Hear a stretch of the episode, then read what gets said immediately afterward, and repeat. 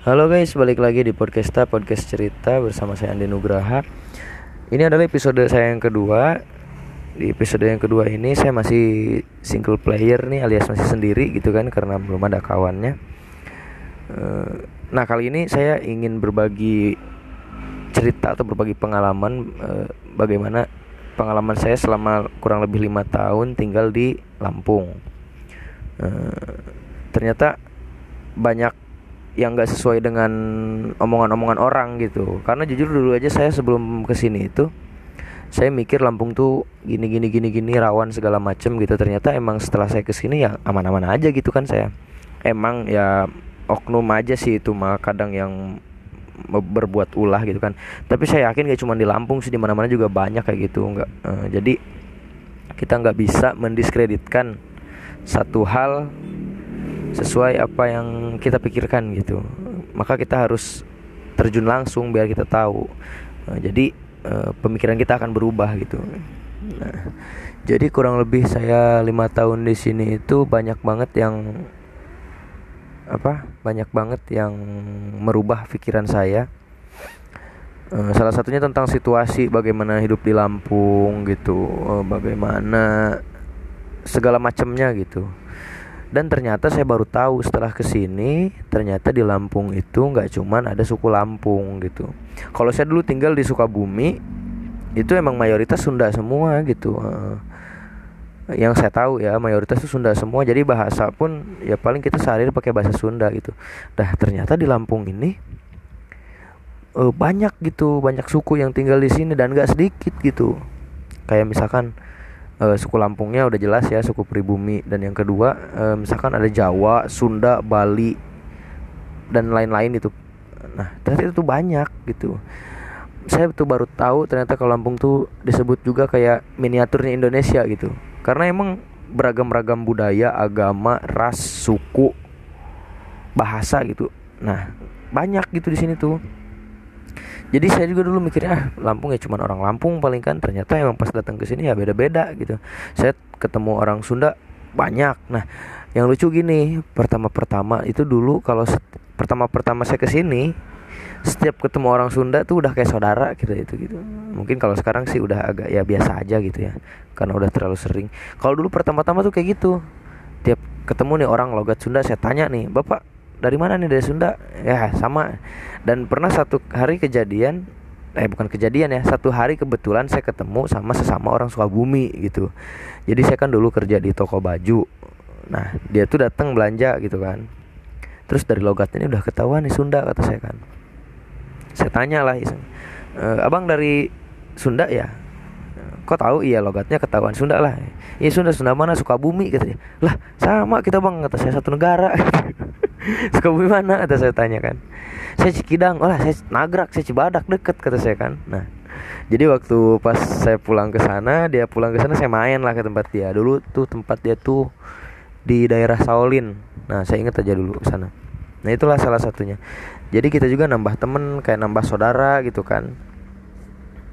Nah jadi ya banyak teman-teman tuh dari situ e, ditambah saya teman-teman di sini itu kebanyakan ya karena dulu teman kerja saya tuh anakku kuliah gitu. Jadi banyak juga sekarang teman-teman saya tuh anak-anak kampus gitu walaupun saya nggak kuliah ya. Karena dulu e, ya ya circle saya sekarang kayak gitulah. Seru lah pokoknya. Dan saya juga di sini tuh salut sama tingkat toleransinya yang tinggi gitu. E, walaupun apa berbeda-beda agama, berbeda-beda suku itu sangat rukun di sini gitu. Selama saya di sini belum pernah saya menemukan uh, apa gesekan-gesekan antar umat beragama, antar budaya gitu. Alhamdulillah nih, sejak saya 2016 ke sini saya belum pernah menemukan tuh. Dan satu lagi yang unik nih. Oh, maaf nih ya, motor lewat-lewat. Nah, satu lagi yang unik Selama saya tinggal di Sukabumi, hampir setiap hari saya mendengar berita tentang tawuran pelajar. Dan di sini tuh hampir nggak ada loh tawuran pelajar. Pada sama sekolahnya deket-deketan gitu. Tapi kayaknya nggak ada tawuran pelajar itu. Apa tuh? Ada apa tuh di luar? Oh ya udah nggak. Iya gitu nggak ada gitu tawuran itu. Rukun-rukun aja gitu ketemu antar sekolah ini sama sekolah ini. Ya biasa aja nggak kayak di daerah sana daerah saya dulu di daerah saya gitu. Uh, kadang dari mulai SMP gitu. Bahkan dulu saya SD pernah ngalamin yang namanya tawuran. Saya dulu sekolah itu di SDN 2 Nagrak jadi waktu itu inget jadi kalau masih SD itu ada yang namanya jeda kalau nggak salah jeda itu jadi eh, apa event olahraga antara sekolah satu kecamatan gitu dikumpulin di nah kebetulan saya tuh di kayak di kecamatannya gitu di Nagrak gitu. Jadi dari sekolah SD mana mana mana mana gitu datang lomba nah pulangnya itu nggak entah siapa yang ngajakin entah siapa provokator pokoknya nyerang SD lain gitu. Sampai kita lempar-lemparan nah itu contoh yang tidak baik ya jangan ditiru ya. Nah itu. Dan di sini nggak ada dari mulai SD apalagi ya SD SD SMP rukun SMA rukun setahu saya. Entah apa yang beda gitu. Padahal secara letak sekolah juga sama berdekat berdekatan gitu. SMK SMEA SMA gitu SMP juga.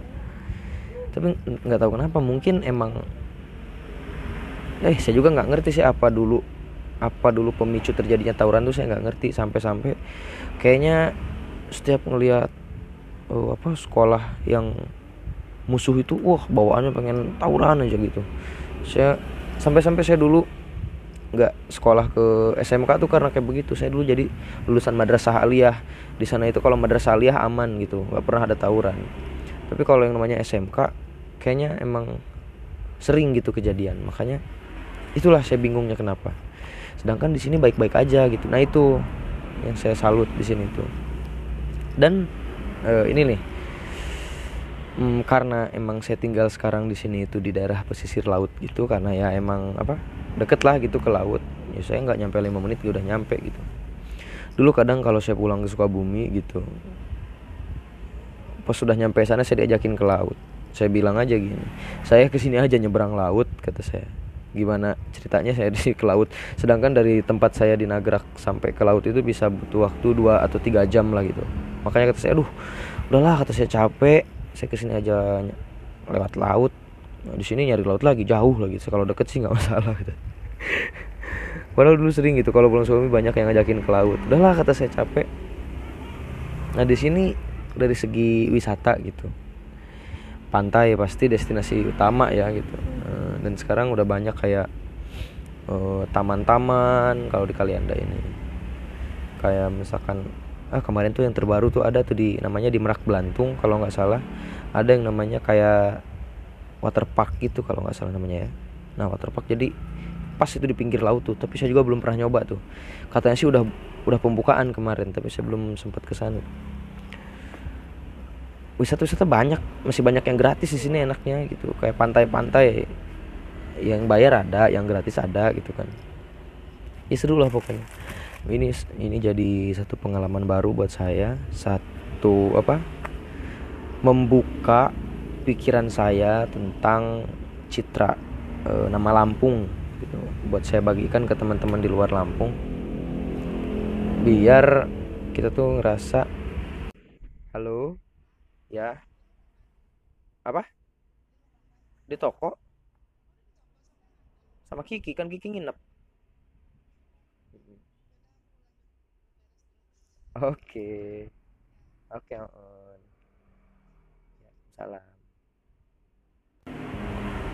nah barusan ada iklan dulu sebentar apa ya tadi sih ngomong apa ya wisata ya nah, wisata masih banyak eh apa sih Ayah anjir lupa.